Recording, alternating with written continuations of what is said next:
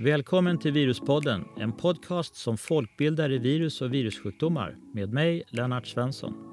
Jag är professor i virologi vid Linköpings universitet och knuten till Karolinska institutet.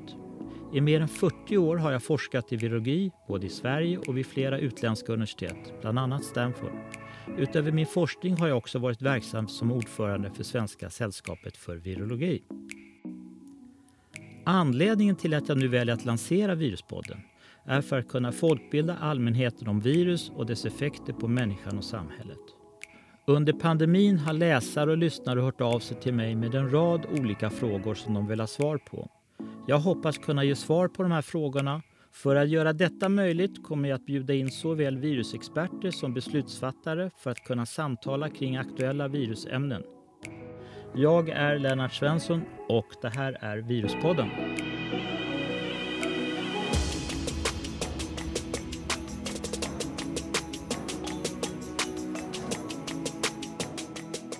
Viruspodden avsnitt 1.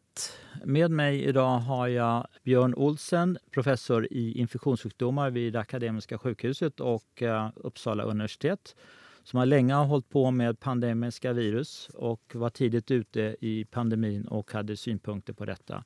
Med mig har jag också eh, Åke Lundqvist, professor i eh, virologi vid Uppsala universitet som har lång erfarenhet av zoonotiska virus Eh, och även varit involverad i coronapandemin. Det är ett antal ämnen som vi tänkte ta upp och diskutera idag. Ett av dem är ursprung av virus. Vi tänker också prata lite grann om vacciner, om vi ska ha tre doser eller fler. Och kommissars att försvinna överhuvudtaget. Men innan vi börjar prata om det här så tänkte jag kort kommentera om det som har kommit upp i media de sista 48 timmarna som rör den här nya varianten som man upptäckte i England som heter Eh, Delta AY 4.2. Vi ska komma ihåg att det här är en variant på en gren som redan finns från Delta från början. Så det är en variant och inte ett nytt virus. Och om den här varianten kommer få större spridning eller inte, det är osäkert att säga i det här läget. Det får framtiden utvisa. Personligen så tror jag inte att det kommer att bli någon större historia av detta. Ska vi då börja lite grann och prata om ursprunget till virus? Varifrån kommer viruset? Ja, alltså, en sak är ganska säker. Det här viruset kommer ursprungligen från djur. Eh, det kommer från fladdermöss. Eh, och det är den här eh, hästskonäsan som finns i stor mängd framförallt i södra Kina även i andra delar av Sydostasien. Så därifrån kommer viruset ursprungligen. Men eh, sen kan man alltid fundera på om det är en direktsmitta från, från fladdermusen till människa eller om det har tagit omvägen via ett labb och eh, via, eller på grund av en labbolycka eller någonting sådant alltså har läckt ut till mänskligheten. Eller om det har tagit sig från fladdermusen in till en mellanvärld. Och Det är nästan det vanliga när det gäller den här typen av virus. Att de går in i en mellanvärld, alltså ett annat djur som har, ska säga, är mottagligt för viruset men som på ett sätt gymnastiserar upp viruset så att det blir mer anpassat att sen smitta människa. Så det finns flera olika teorier kring det där. Men ursprunget är definitivt eh, fladdermöss. Mm. Finns det några andra alternativ till, till fladdermöss överhuvudtaget? Eller vad kände vi till tidigare? Med, det här är ju en zoonossjukdom nu där viruset sprids från djur till människa. Vad känner vi till om andra zoonoser liksom sådär, som har blivit stora i historien? Ja, alltså, man kan väl säga det att de allra flesta diagnoser vi har inom infektionssjukvården är ju orsakade av zoonotiska sjukdomar. Det kan antingen vara zoonotiska virus, eller det kan vara zoonotiska bakterier eller zoonotiska parasiter. Och eh, zoonoser är ju sjukdomar som orsakas av smittämnen som kommer ifrån djurriket ursprungligen. Men via en serie händelser så tar det sig sen in till människa. Ehm, så att det finns en mängd olika zoonoser och en av dem, vi, vi, har ju mängder med zoonoser som vi inte tänker på zoonoser idag. Va? Så som, sådana som har kastat loss så att säga, ifrån sin ursprungliga djurvärld för kanske 5000 år sedan. Mässling är ett jättebra exempel på det. Uppstod eller överfördes till människa för ungefär 5000 år sedan i det som motsvarar gyllene halvmånen idag. Eller gyllene halvmånen. Då var det väldigt bördigt och man hade väldigt mycket djur. Eh, det, det, var ju där man domesticerade djur. Och då fick man en del presenter förutom mjölk och kött och hudar och sådana saker. Man fick också en del virus och bland annat mässlingviruset. Andra zoonoser är såklart influensa. Uh, Åke, hur ser du på det här med zoonoser? Du som har hållit på många år med zoonossmitta. Jag tänker att förmodligen är allt, eller nästan allt, zoonoser från början. Alltså all, alla infektioner som Björn var inne på är zoonoser från början. och tänker vi på att människan är ju en, ett djur som alla andra djur och en ganska ung art så tror jag att vi vågar säga att, att alla infektioner, alla, åtminstone virus och bakterier, kommer från början från ett annat djur. Och som Björn var inne på så finns det sådana som eh, etablerades i människan för 5000 år sedan. Det finns säkert sådana som är mycket, mycket äldre. Men idag så räknar vi med att ungefär 70 procent av de infektionssjukdomar vi ser är zoonotiska. Det vill säga vi har ju Dels har vi virus som hela tiden stannar i djurriket, överförs kanske med myggor eller fästingar eller liknande kontinuerligt. Alla fall vi ser kommer från ett djur. Och sen har vi andra som dengvevirus till exempel eller zikavirus nu senast som snabbt etablerar sig till att ha människan som, som sin värld. Det behövs ingen djurreservoar längre utan det förs från människa till människa via insekter. Då. Eller som, som sars-cov-2-virus som då väldigt snabbt får en bra smittsamhet från människa till människa. Då behövs ju inte djurvärlden längre, men den finns ju alltid där. Det här är ju en evolutionsprocess som gör att de här virusen anpassar sig till att vara eh, hos människa och sprids via människa och mellan människor. Men man får ju lite intryck av att det första hoppet från djur till människa så är viruset väldigt aggressivt. Vi har ju rabies med stort sett 100% dödlighet.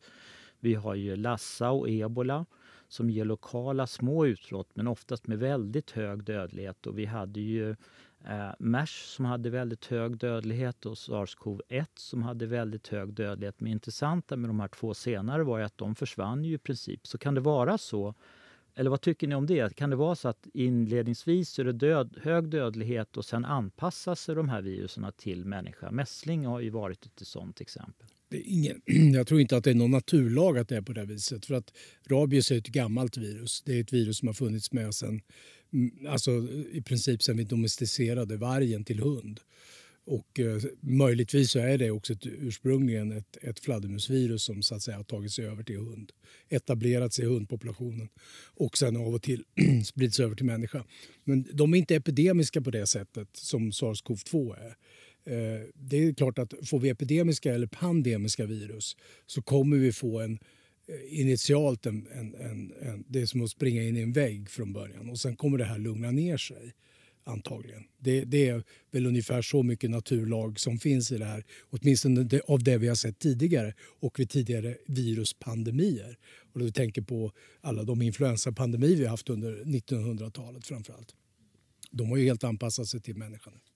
Ja, och tittar vi på de coronavirus, alltså de närmaste släktingarna till det som har drabbat oss nu, det vi kallar säsongskoronavirus. Det finns fyra stycken välkaraktäriserade.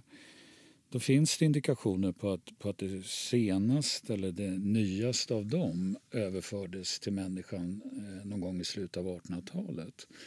Eh, och det var då samtidigt som en stor eh, influensapandemi. Kanske var det då så att, att det här Eh, viruset som idag bara ger eh, förkylningar och eh, cirkulerar då, det återkommer varje år, hade en mycket högre dödlighet. Eller hade en dödlighet på den tiden. Och det är ju då 150 år sedan ungefär. Så frågan är ju nu, hur lång tid tar det för dagens virus att att bli mildare och mildare. Därför att evolutionen driver ju så att, att viruset vill ju, eller det blir mer och mer smittsamt för det gynnar viruset. Men att göra eh, ett värddjur som människan i det här fallet sjuk eller till och med dö, det är ju ingen poäng för viruset. Så att, som Björn var inne på, att, att de här som är endemiska eller pandemiska eh, där kan man nog säga att evolutionen fungerar så att det blir mindre och mindre sjukdom.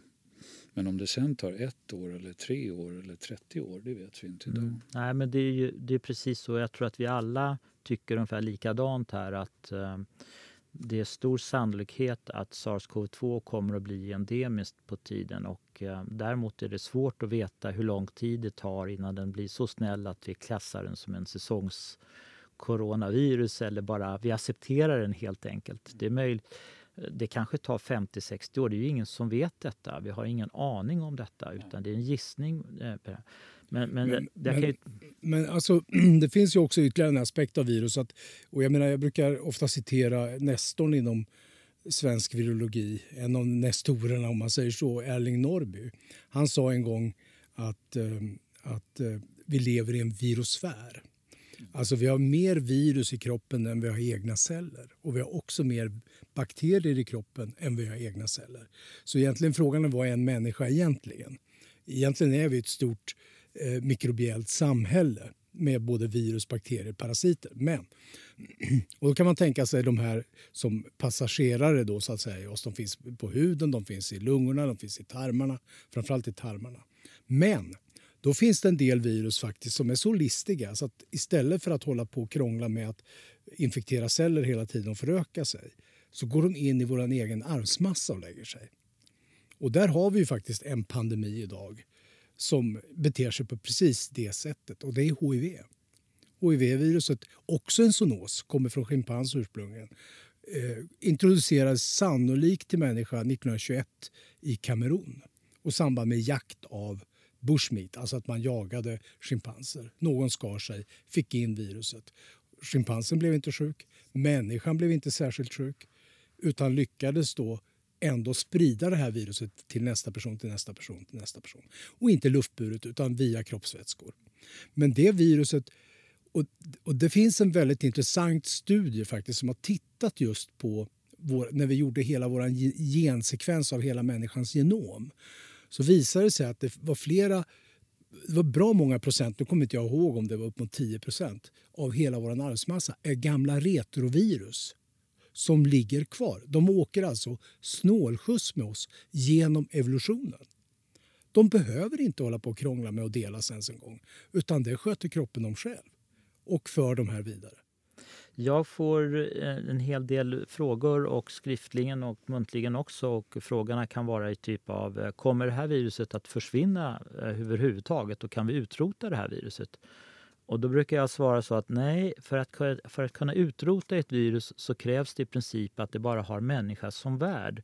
Och så här långt så har vi bara kunnat utrota ett enda virus. Det är smittkoppor. Det gick utmärkt. Vi hade ett fantastiskt bra vaccin som Jenny utvecklade och det infekterade bara människa. Den som är nummer två på den här listan är faktiskt polio. Vi är på god väg att kunna utrota polio, men då måste vi nå lite bättre med vaccinationstäckningen. Så utrota det här coronaviruset kommer aldrig att ske utan det blir nog så att vi kommer att få leva med det här under lång tid framåt och det blir en, en spelare som kommer att dyka upp kanske på höstar och vintrar. Vad tror, tror, ni, tror ni att det blir säsongsvirus, att det blir mer på vintern än på sommaren? Vad tror ni?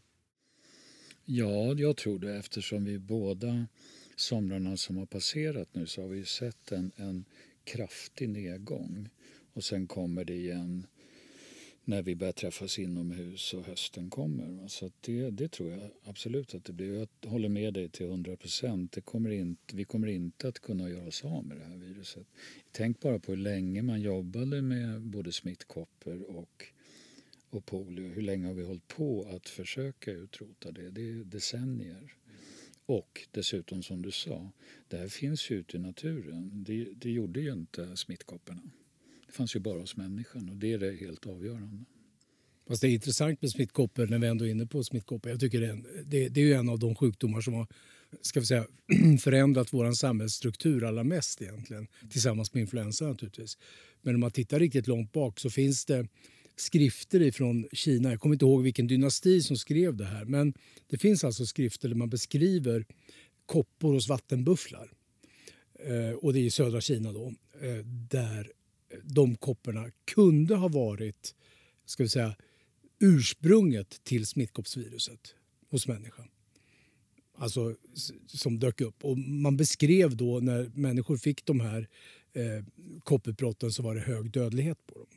Så, och sen om det, det, var, om det verkligen var vattenbuffelviruset som ursprungligen som blev smittkoppsviruset sen, det, det är liksom en annan fråga. Men det är precis som ni säger att vi, när, när viruset väl kastar loss ordentligt ifrån sin ursprungsvärld och bara blir ett virus som evolverar med människa och infekterar människa. Det är då man har chansen att ta det. Och det finns ytterligare ett virus där som faktiskt också har gjort det, men då för 5000 år sedan. Och det är ju mässlingviruset. Så skulle vi lägga ner ett par dygns militära omkostnader på att utrota mässling så skulle vi lyckas med det. Hur, hur ser viruset ut i bufflar idag? De har fortfarande koppvirus. Det har de. Okej, är de uh, nära ja, har inte, jag, jag, har läst en rapport om det där, men det är, det är nog 30 år sedan så jag kommer inte exakt ihåg vad det stod där. Men, men, men eh, det stämmer ganska bra överens med, också med de här historiska beskrivningarna av de här utbrotten i samband med att man var nära vattenbufflar. Jag minns på eh, 80-talet någon gång, eh, kanske sent 70-tal till och med, så fick jag prover från Jan Lindblad som då var en jättekänd fotograf, naturfotograf. Han var ju lite eh, eh, munsvag, immunsvag, men han kom in en gång med koppor på armar och rygg tror jag som vi analyserade. Och då var det eh, koppor, alltså det var ju en smittkoppsliknande virus. Men då hade han lekt med tigrar och studierna sen visade sig att det var tigrar som hade fört över kopporna. Han hade gossat med dem på något sätt och fått dem då. Men nu var ju han också lite immunsvag så det kanske var lättare för det här viruset att hoppa från tigrar till, till honom. Så det är många exempel på hur virus kan hoppa från djur till människa. Det finns ytterligare en aspekt i det här med evolutionen nu då, som, vad som händer nu. Och vi lever ju mitt i ett evolutionärt skede. Vi, är mitt, vi ser evolutionen varje dag mitt framför, framför ögonen. Och ett jättebra sätt att mäta evolutionen på är just att titta på, som du introducerar den här nya deltavarianten här precis i början. Alla dessa varianter då av sars-cov-2 som har dykt upp under, under de här två åren. Eh, och där ser vi ju liksom det evolutionära skeendet. Alltså viruset muterar hela tiden för att ja, man kan säga antingen muterar det för att det ska klara sig till nästa, infektera nästa värld eller så är det bara liksom att det är någonting som händer, att det är rent slumpmässigt. Men effekten är ändå densamma, att det är vissa varianter som överlever, alltså inom citationstecken, eh, och kan för, för, föröka sig vidare. Eh, och då, då ska vi komma ihåg det att människan är jordens näst vanligaste däggdjur idag. Det finns bara ett enda däggdjur som är vanligare. Eller någon som kan gissa? Råttan. Det är ju råtta. Råttan, ja. Mm. Precis, råttan. Vi, vi är snart 8 miljarder människor på jorden. Det finns kanske 100 miljarder råttor på, på jorden. Men vi har otroligt mycket biomassa. Vi är så otroligt mycket biomassa. Jag tror vi upptar en tredjedel av jordens högre biomassa. Så vanliga är vi som, som djurart. Dessutom har vi också en stor grupp människor på grund av våra medicinska framsteg som är lätt immunnedtryckta, precis som Jan Lindblad var. Och som har defekta immunsystem. Och vad defekta immunsystem gör det är att tillåta virus att cirkulera under längre tid. Och det som händer om virus cirkulerar under längre tid i en kropp hos en människa det är att det kommer oundvikligen dyka upp mutationer. Och vi har miljontals människor idag som är immunnedsatta. Blir de smittade så kan viruset cirkulera lång tid hos dem, skapa mutationer. Och är de mutationerna så bra så att de kan smitta från en individ till nästa lite, lite mer effektivt än alla andra varianter då kommer den varianten att ta över. Mm. Jag hoppas att vi i senare avsnitt kan återkomma till det här med eh, uh, olika, den olika terminologin som vi har med vari varianter och isolat och, och uh, genotyper och allt detta. För det är inte helt enkelt för läsare och lyssnare att förstå vad som menas med en variant eh, och hur den kopplas till ursprungsstammen och så. Ska vi försöka eh, runda av det här med ursprunget och, och titta lite grann på vacciner då eh, Eh, som nu pågår. Vi, många har ju fått sin andra dos och tredje dosen är på, på G för många och runt om i världen så har vi en massa olika vaccinkandidater.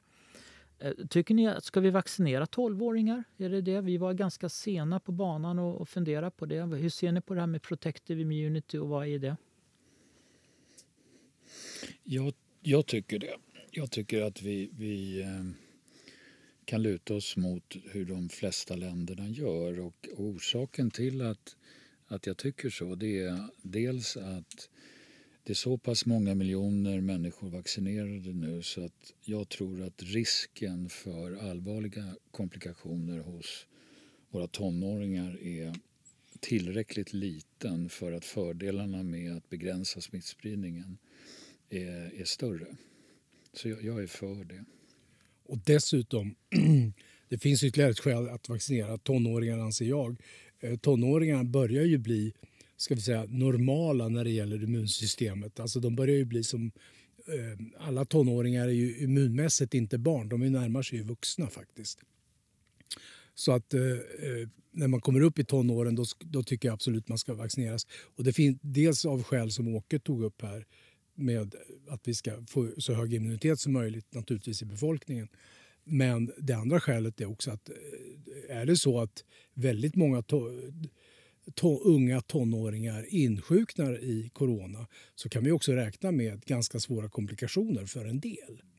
Alltså det vill säga att de kan insjukna i eh, dels av coronainfektionen i sig och av att deras immunsystem är väldigt alert så de kan få alltså såna hyperinflammationstillstånd. Eh, dessutom börjar det dyka upp mer och mer tonåringar som har vad, man nästan måste kalla långtidscovid faktiskt med eh, olika effekter på olika organsystem. Och det här kan ju vara förödande för en tonåring eh, som går i skolan, som ska vara högpresterande och att plötsligt hamna i sängen och inte kunna vara så funktionell som tidigare. Så jag tycker det finns stora vinster med att vaccinera tonåringar och kanske ännu lägre ner i åldrarna faktiskt. Mm. Det finns ju en, en tanke kring det här med vaccinationer och det är ju liksom att eh, man har sagt att vi har ju proteinbaserade vacciner som kommer nu och sen har vi mRNA. De har varit väldigt framgångsrika. De är baserade på ett enda protein dock. Och det är ju rätt så ovanligt om vi tittar tillbaka på virusvaccinations eller virusstrategierna vi har haft. Det är sällan vi har humana vacciner baserade på enbart ett protein. Skulle det vara en, alltså I min värld så är det lite av en begränsning att man inte har ett bredare vaccin som kanske ger bättre B-cellsvar och så kallat T-cellsvar därför att man har fler proteiner och epitoper, alltså regioner. Alltså hur ser ni på det? Liksom? Jag håller med. Jag tänker att, att vi, har ju, vi, vi, vi anar ju redan ett problem vad gäller de här vaccinationerna eller infektionerna och vaccinationerna. Och det är att att det verkar vara ett väldigt kortvarigt skydd hos många individer. Det verkar vara en väldigt stor variation. Vi kan ju inte, vi kan inte mäta under så lång tid eftersom det här inte har funnits. Det har inte ens funnits hos människan i, i, i två år ännu. Så det är den tid vi kan mäta. Men vi ser redan nu väldigt stora skillnader. Det finns de som verkar tappa sitt skydd eh, snabbare än, än till och med sex månader. Eh, och det gör ju att eh, det, det, det, är ungefär samma sak för infektionerna som med vaccinationerna. Och mig veteligen så har aldrig ett vaccin varit bättre än en naturlig infektion i att skapa ett långvarigt skydd. Och som du säger, det här, de vacciner som haft mest framgång nu de är båda mRNA-vaccin. Vilket, som du sa, är, betyder att det är bara ett, en, en liten del av viruset som vi, vi får eh, ett skydd emot. Och det gör ju också att, att risken då för att de här varianterna ska kunna bli viktiga. Det har vi inte sett riktigt ännu. Men den ökar ju med att vi har en sån, sån liten komponent som ger skyddet. Så att jag tycker att, att, att det är väldigt viktigt att det fortsätter att utvecklas eh, nya eller andra varianter av vaccin. Alltså snarare helvirusvaccin som vi vet sen hundra års erfarenhet att det verkligen fungerar för många virus. Det här är ju ny mark. Det kommer ju ett antal här. Valneva har ju ett inaktiverat vaccin om jag inte misstar mig helt fel. Eh, och det är inaktiverat, jag tror att det är med formalin eller betapropionlakton. Eh, jag är lite osäker där, men vi ska komma ihåg att de här vaccinerna som vi nu har, egentligen allihopa, har ju varit framtagna för att hindra sjukdom och inte primärt för att hindra smittspridning, vilket är väldigt svårt. Eh, och I media har man inte liksom klargjort det här tycker jag på ett bra sätt. Om man ska utveckla ett vaccin som hindrar smittsamhet, alltså spridning från en person till en annan, då, då brukar man kalla det för sterilizing immunity, alltså helt steril immunitet. Du är inte skyddad bara mot, mot sjukdom utan även att du inte kan smitta någon annan. Det är väldigt svårt att uppnå. Och det gör vi inte med de här vaccinerna utan de var ju framtagna primärt för, för, ehm, mm. Eh, för skydda mot sjukdom. Eh, men vad, vad, tror ni liksom om det här med, vi har många av oss har grubblat på det här, liksom, eh, hur länge skulle immuniteten vara? Måste vi ändra vaccinet nu när de här varianterna kommer? Jag tror ju inte det, men, men man, det är ju ingen av oss som vet alltså. Nej. Utan vi får gå på det magkänsla och den kunskap vi har. Så om det är rätt eller fel, det vet vi inte. Men hur ser ni på det? Ska, måste vi ha ett nytt vaccin varje år? Och då tänker jag så här till er båda. Influensa, det får vi ju nytt varenda år i stort sett. Men i min värld så kommer influensavaccinet uppstå i Asien så den börjar ju på noll varje gång. Medan sars-cov-2 som nu cirkulerar pandemiskt, den finns ju med oss hela tiden. Så för mig är inte influensavaccinationsstrategin liktydigt med hur vi ska hantera sars-cov-2. Hur ser ni på sånt här? Jag, jag tänker att det är jättestora skillnader mellan influensavirus och SARS-CoV-2-virus. Jag, jag, tycker att mycket av, mycket av problemen vi har sett hittills eh, är ju baserat på att vi har tittat för mycket på influensa och eh, tänkt för lite coronavirus. Eh, till exempel så har ju coronavirus ett sätt att, att rätta sina fel som det gör när det kopieras till skillnad från, från influensa. Influensa eh, förändras mycket, mycket snabbare och kan förändras på flera olika sätt också.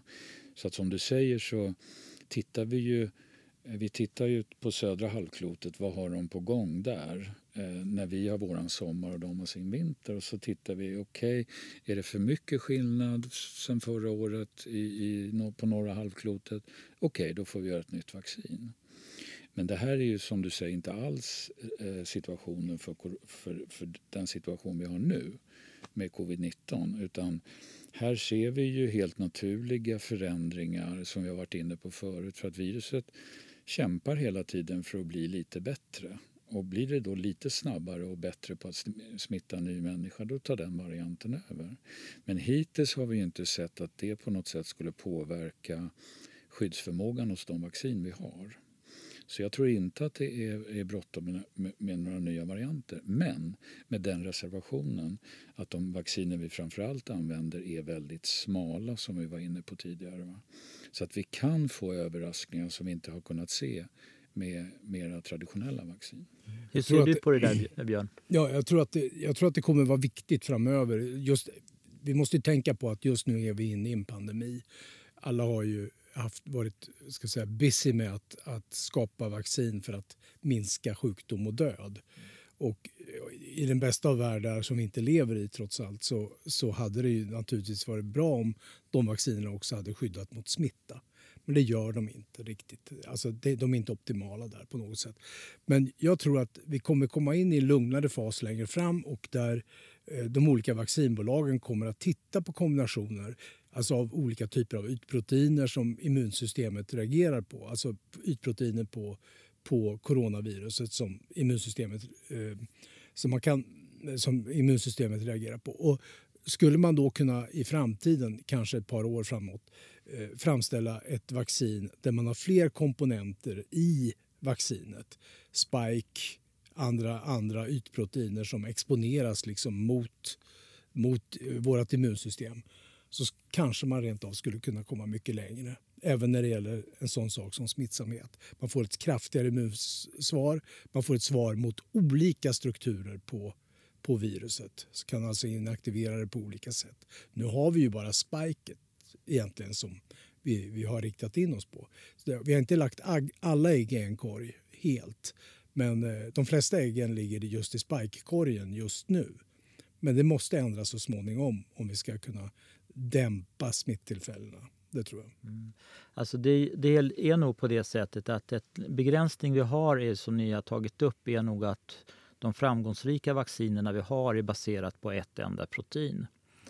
Om man, och, och, så är det diskussionen då att vi måste kanske modifiera vacciner hela tiden, kanske varje år.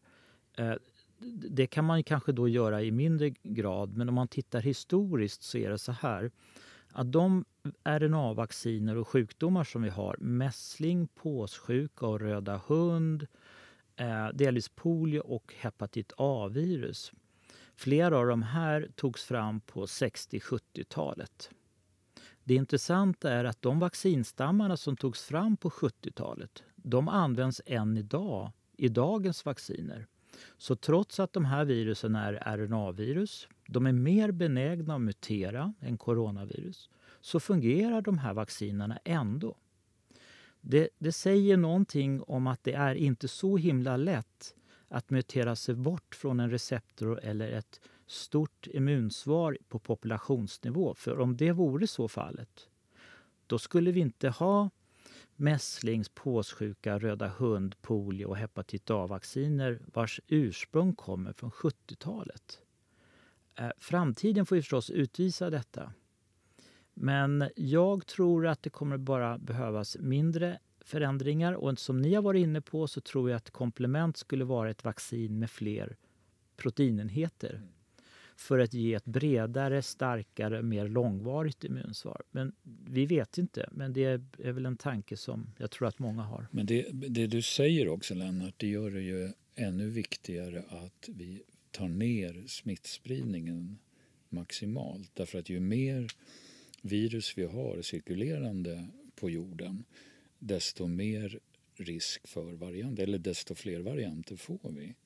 Eh, och mycket, jag menar, när vi vaccinerar ner eh, antalet individer som vid samma punkt har infektioner då får vi också mindre mutationer, alltså mindre varianter. Vad är det bästa sättet att begränsa smittspridningen på? då? Ja, det bästa sättet att begränsa smittspridning på det är att inte träffas. Det, mm. det slår allt. Mm. Social distansering är ju ja. förstås, för då eliminerar man ju det till 100 procent. Ja, då, alltså den gamla karantänen som kom upp under 1300-talet i samband med pesten. Eh, och då skulle man sitta i karantän i, i 40 dagar egentligen. Mm. för att visa att man fick så fick man ett pestfri brev och sen kunde man eh, knalla iväg till nästa stad när man inte hade dött under de här dagarna, under de här 40 dagarna i pest. Så fick man ett litet brev där det stod att man var fri från pest och så fick man gå till nästa stad. Det var det som blev våra pass. Mm. Alltså småningom så evolverade de här pestfribreven till de pass vi har när vi går på Arlanda och ska flyga, flyga, flyga till varmare trakter. Ja. Så att det, det, tror jag, karantän och alltså isolering. Och då kanske det är så att, att eh, när man inte kan isolera när, när, det liksom görs, när det är fysiskt omöjligt att isolera då visar det sig att ansiktsmasker har väldigt, väldigt bra betydelse. De sänker alltså, i och med att det här viruset nu, och framförallt deltavarianten, är en luftburen smitta i huvudsak så kommer man sänka mängden virus som kommer ut via andningsluften. Hur, långt ska det gå innan vi tycker att vi ska leva med det här viruset? Jag tänker på det här flera gånger. Liksom, när blir viruset endemiskt? Hur långt ner i dödlighet versus smittspridning ska vi gå innan vi säger enough is enough? nu, nu släpper vi alla restriktioner, nu lever vi vad som det gör. Vilka kriterier ska vi liksom uppnå? Olika länder har ju valt lite olika strategier här. Mm. Och ibland åker de till backslash och ibland funkar och det. Men det är ju en prövarperiod. Vi har ju bara hållit på mm. i två år. Det här är väldigt kort tid alltså. Mm. Uh, finns det någon sån här universell formel för det här? N när ska vi liksom säga att enough is enough, nu släpper vi allting fritt? Ja, det gör ju inte det eftersom det är en alldeles ny situation. Men jag, jag tycker ju att, att vi har haft lite för bråttom i Sverige. Definitivt. Jag tycker att vi borde ta det lugnare och, och, och sakta pröva oss fram, inte släppa i princip allt som, som vi nu har gjort. Det är ju så att många tänker väl nu eh, att nu är det över. Och vi har fortfarande eh, ett påtagligt antal människor som dör varje dag. Och det ser nu ut som att det faktiskt är på väg uppåt igen. Så att jag, jag tycker att det har gått för fort. Jag, jag vet inte, men ni såg det kanske i tidningen att det var ju på nedgång i England men nu är det ju på uppgång där igen alltså. Eh, och det är ju med den här nya deltavarianten. Och den är ju, det är för få fall därför att USA är knappt nått. Så det, vi ska nog inte yttra för mycket om den här deltavarianten utan bara det att de nu har en uppgång i England. Hur ska vi de, det var någon som hade skrivit, någon virolog som hade skrivit där, det är inte viruset fel utan det är våra restriktioner som är felet. Ja, eh, han menade liksom att det har inte att göra med att viruset har blivit tok mycket mer smittsamt utan det är bara att vi, vi har bara släppt på restriktionerna så det är därför det sprids på. Den vanligaste smittvägen trots allt, är, i och med att det är luftburen smitta, det är att människor andas och pratar med varandra. Och man står för nära helt enkelt. Man har inte munskydd. Eh, i en ideal värld så hade vi varit under en kortare period varit inkapslade i våra egna bubblor under en viss tid. Och då hade man kunnat få ner smittan ordentligt. Jag menar, det finns ju exempel på länder som har lyckats med den här strategin. Att verkligen slå ner smittan med hjälp av karantän, med hjälp av isolering. Alltså under perioder, kortare perioder. Nya Zeeland är väl ett ypperligt exempel. De har, jag, menar, de, jag tror att de har 37 döda eller någonting sånt. Alltså i Nya Zeeland. Eh, vi, har fem, vi går mot 15 000 döda. Så att det är klart att det är skillnad på strategi. Och då kan man säga att ja, Nya Zeeland är ett, det är ett öland. Ja, men det har ingen större betydelse egentligen. Utan har man väl fått in smittan så har det ingen större betydelse om huruvida det är ett öland eller inte. Utan där handlar det om allting från det, det, det politiska ansvaret ner till och om det ansvaret från politikerna så att säga kan färga av sig på befolkningen i övrigt och att man får med sig befolkningen. Alla kommer inte tycka det här är bra, men de som accepterar det, de flesta kommer att acceptera det om det signalen är tydlig. Då kan man få ner smittan på en väldigt, väldigt låg nivå. Och sen kan man med hjälp av testning hålla reda på de som är smittade när man börjar släppa upp. Och på det sättet begränsa stora utbrott igen. Samt vad nyzeeländarna inte hade gjort. De hade inte satsat särskilt hårt på vaccinationer. Nej. Men det, det tog de igen med raketfart. Mm.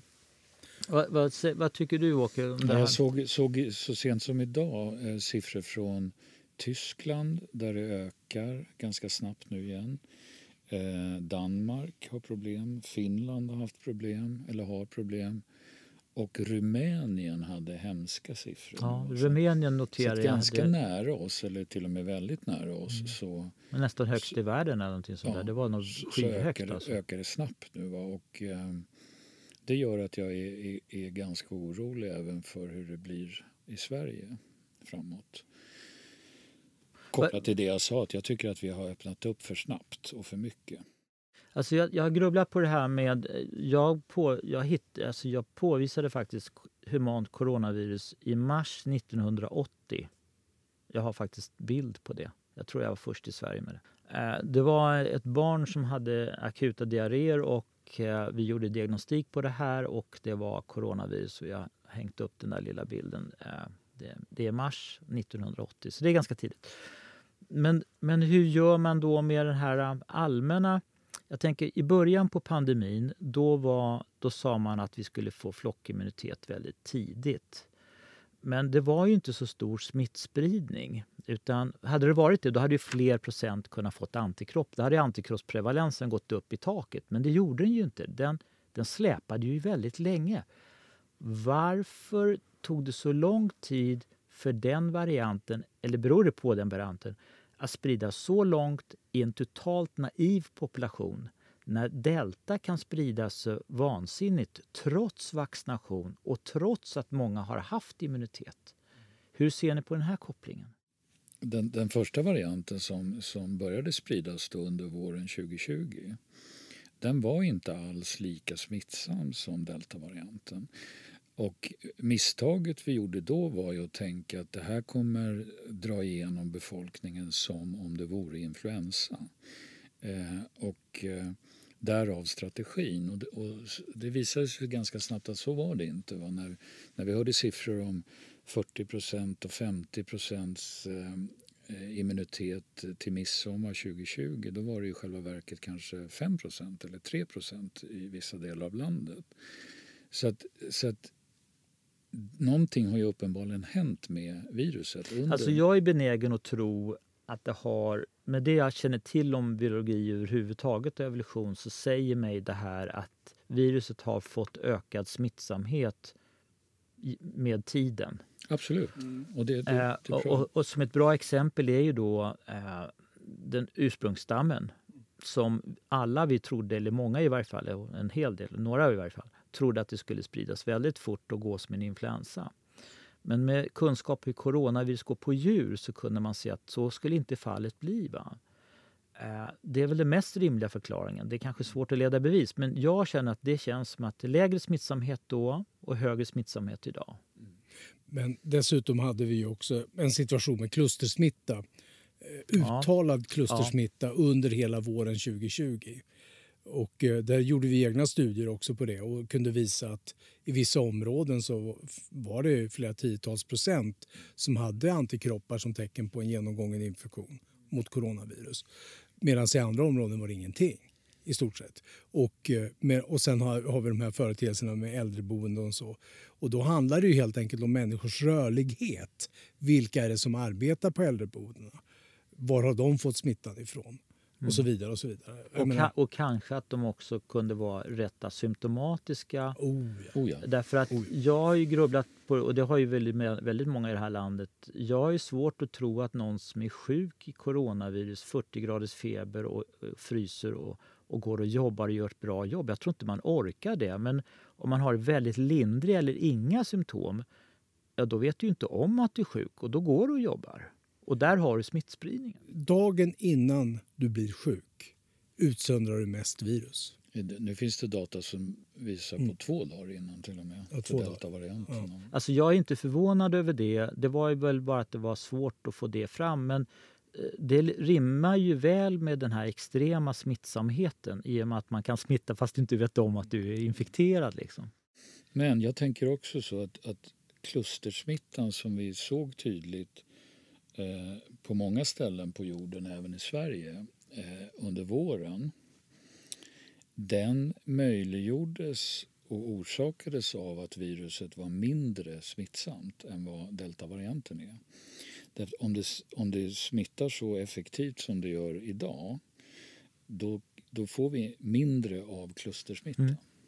Vet, vet, alltså Åke, vet vi någonting om de här virusen i klustren eller vet vi någonting om de här individerna i klustret? Varför, varför blev det klustersmitta?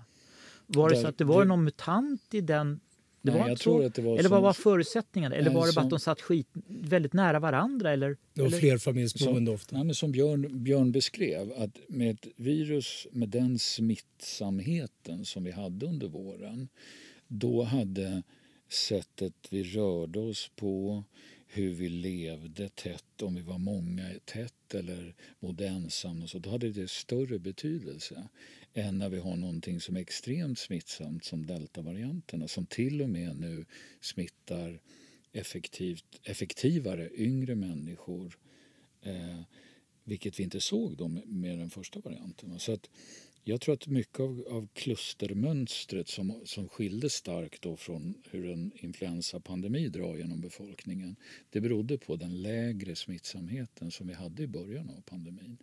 Men också det att det blir ju ganska, eller det blir alldeles säkert smittsammare och smittsammare på, på grund av just det att ett virus som en variant, eftersom virus förändras i alla fall en del fast det är ett coronavirus.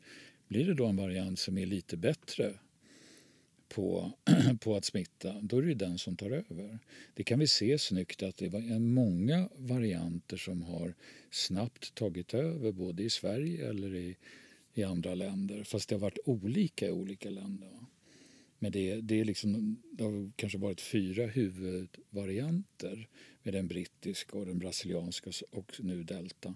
Men av dem finns det ju undervarianter så att säga som de har tagit över allt eftersom de har kommit. Mm. Jag tänkte avrunda med en liten fråga, en medicinsk fråga. Det, det var ju för någon vecka sedan tror jag diskussion om man skulle vaccinera gravida, Björn. Mm. Eh, hur, hur, hur går tankarna där liksom, bland infusionsläkare? Liksom, är det okej? Okay? Nu är det ju så att det är ett avdödat, det är ett subunit-vaccin, mm. vad vi kan mRNA. Så att det finns ju ingen sån risk att man skulle infektera någon därför att det finns ju inget levande virus. Men rent principiellt så har vi ju är det så mycket motstånd mot det här för man tänker sig då narkolepsi, massa saker. Hur, hur, ser du på det där med att vaccinera gravida? Jag, jag tror att, vänta, CDC tror jag sa att man skulle inte vaccinera i tredje trimestern. Men jag vet inte om det har slagit igenom riktigt. Alltså. Det vet inte jag heller. Men alltså, principfrågan kring om man ska vaccinera eller inte. Det finns ju vissa vacciner man inte ger till gravida och det är ju exempelvis levande vaccin. Ja. Eh, så de är ju direkt diskvalificerande. Eh, men nu är ju inte det här, det är ju precis som du säger, det är ett subenhetsvaccin. Det är en liten, liten del bara av viruset. Den är inte den som orsakar infektionen utan det, det är bara det som att det, det är den viktigaste vad vi kallar immunodeterminanten egentligen, som får immunsystemet att gå igång. Man kan vi säga, då måste man väga de här sakerna mot varandra. Man får ju säga det att rot, eller, boten får aldrig vara värre än soten. Vad jag menar med det, det är att vaccinerna får inte orsaka mer sjukdom och elände än vad sjukdomen i sig gör. För då har ju vaccinet spelat ut sin roll. Då, då har det liksom ingen framtid. Men i det här fallet är det nog inte så. Utan här är det nog snarare så att är det så att man är gravid och eh, får en svår coronainfektion så löper man större risk att eh, bli sjuk eller bli svårt sjuk och hamna på sjukhus och faktiskt större risk att dö i den här infektionen. Det gör man. Jämfört med om du tar vaccinet. Ja. Så det är den andra vågskålen. Alltså, man, får väga, man, man, får väga det här mot man varandra. Man får väga det här mot ja. varandra. Precis. Jag kommer ihåg när vi var på Bach Mai-sjukhuset, du och jag Åke, i, i Hanoi. Mm. Och eh, då var vi inne på eh, deras intensivvårdsavdelning och där ligger det då fullt med människor som är mycket, mycket svårt sjuka. Och en hel rad, i rum efter rum efter rum, så låg det kvinnor, höggravida kvinnor som hade blivit infekterade av influensavirus. Och de var uppkopplade med hjärt-lungmaskiner och allting. Så man kopplade liksom ur lungorna så att säga, för att de skulle återhämta sig. Och jag frågade den läkare som var ansvarig där hur det kommer gå för de här. Och han sa att de allra flesta av de här kommer att dö. På grund av att de hade legat ett tag. De får också andra infektioner. Alltså inte bara virusinfektioner i sig, men viruset banar ju väg genom att det skadar lungorna eh, på flera olika sätt banade väg också för bakterieinfektioner som kan vandra ner. Och många gånger så har man stora problem med antibiotikaresistens i de här områdena vilket gör att de blir otroligt svårbotade, om det ens går. Mm. Så det, det... Vi, vi, kanske hinner med en sista sak som jag vet att flera lyssnare har och, och läsare har mejlat om. Och det är varför förlorar man lukt och smaksinnet? Är det någon som är, har läst på det där? Alltså, det är inget klockrent, men kan du utveckla det där lite grann, mm. Björn? För det är ju väldigt intressant. Ja, det är väldigt intressant. Och det, jag tittade lite grann på just det där med lukt och smak. Och det finns rapporter som... Eh, vi ska ha klart för oss att mycket av smaken Smaken sitter ju framförallt i tungan, men de mer komplexa smakerna det går ju upp i eh, näsan och via det här nätverket vi har med, med nervändar som sticker ner i nästaket går ganska snabbt från hjärnan ner och ligger liksom där. Och de här nervändarna plockar ju upp alla de här aromatiska ämnena och skickar signaler till hjärnan. Så man kan förlora smak naturligtvis på tungan såklart. Då kan det hända saker, men det kan hända sannolikt mer ofta. Just när det gäller komplexa smaker så sker det en trappa upp, alltså i själva det här eh, nätverket då, nerver. Och då tittade man på, eh, det var en amerikansk studie som tittade på vilka celler då är det i det här området. Det är stort som ett frimärke ungefär, sitter det upp i näsan, högt upp i näsan, precis under pannbenet i princip. Och då såg man att det var stödjecellerna. Det var inte själva nervcellerna i sig som var de som blev skadade utan det var de celler som låg emellan nervcellerna och stödde dem så att säga som såg till att de mådde bra. Att det var de cellerna som främst drabbades av coronavirus och att det tar väldigt lång tid för kroppen att ersätta dem. Så det, det, det, kan vara en förklaring till varför det blir så långvariga symptom också. Och varför en del också, om de blir väldigt skadade, inte återfår lukt eller smak. Det, det, har ju varit en del i, i media om, om svenska studier och studier i Stockholm vad gäller lukt och smak. Min dotter arbetar med i en sån studie hon berättar då att, att även de som tycker sig ha fått sin lukt och smak återställd. När man jämför dem med en stor kontrollgrupp så är det fortfarande efter lång tid, efter ett år och längre, så har de nedsatt smak och lukt. Alltså man tycker att det är rätt okej, okay, liksom. men, men jämför man med en stor kontrollgrupp så är det klart försämrat över ett år efter infektionen. Med dessa ord tackar jag Åke Lundqvist och Björn Olsén för er medverkan i Viruspodden med mig Lennart Svensson.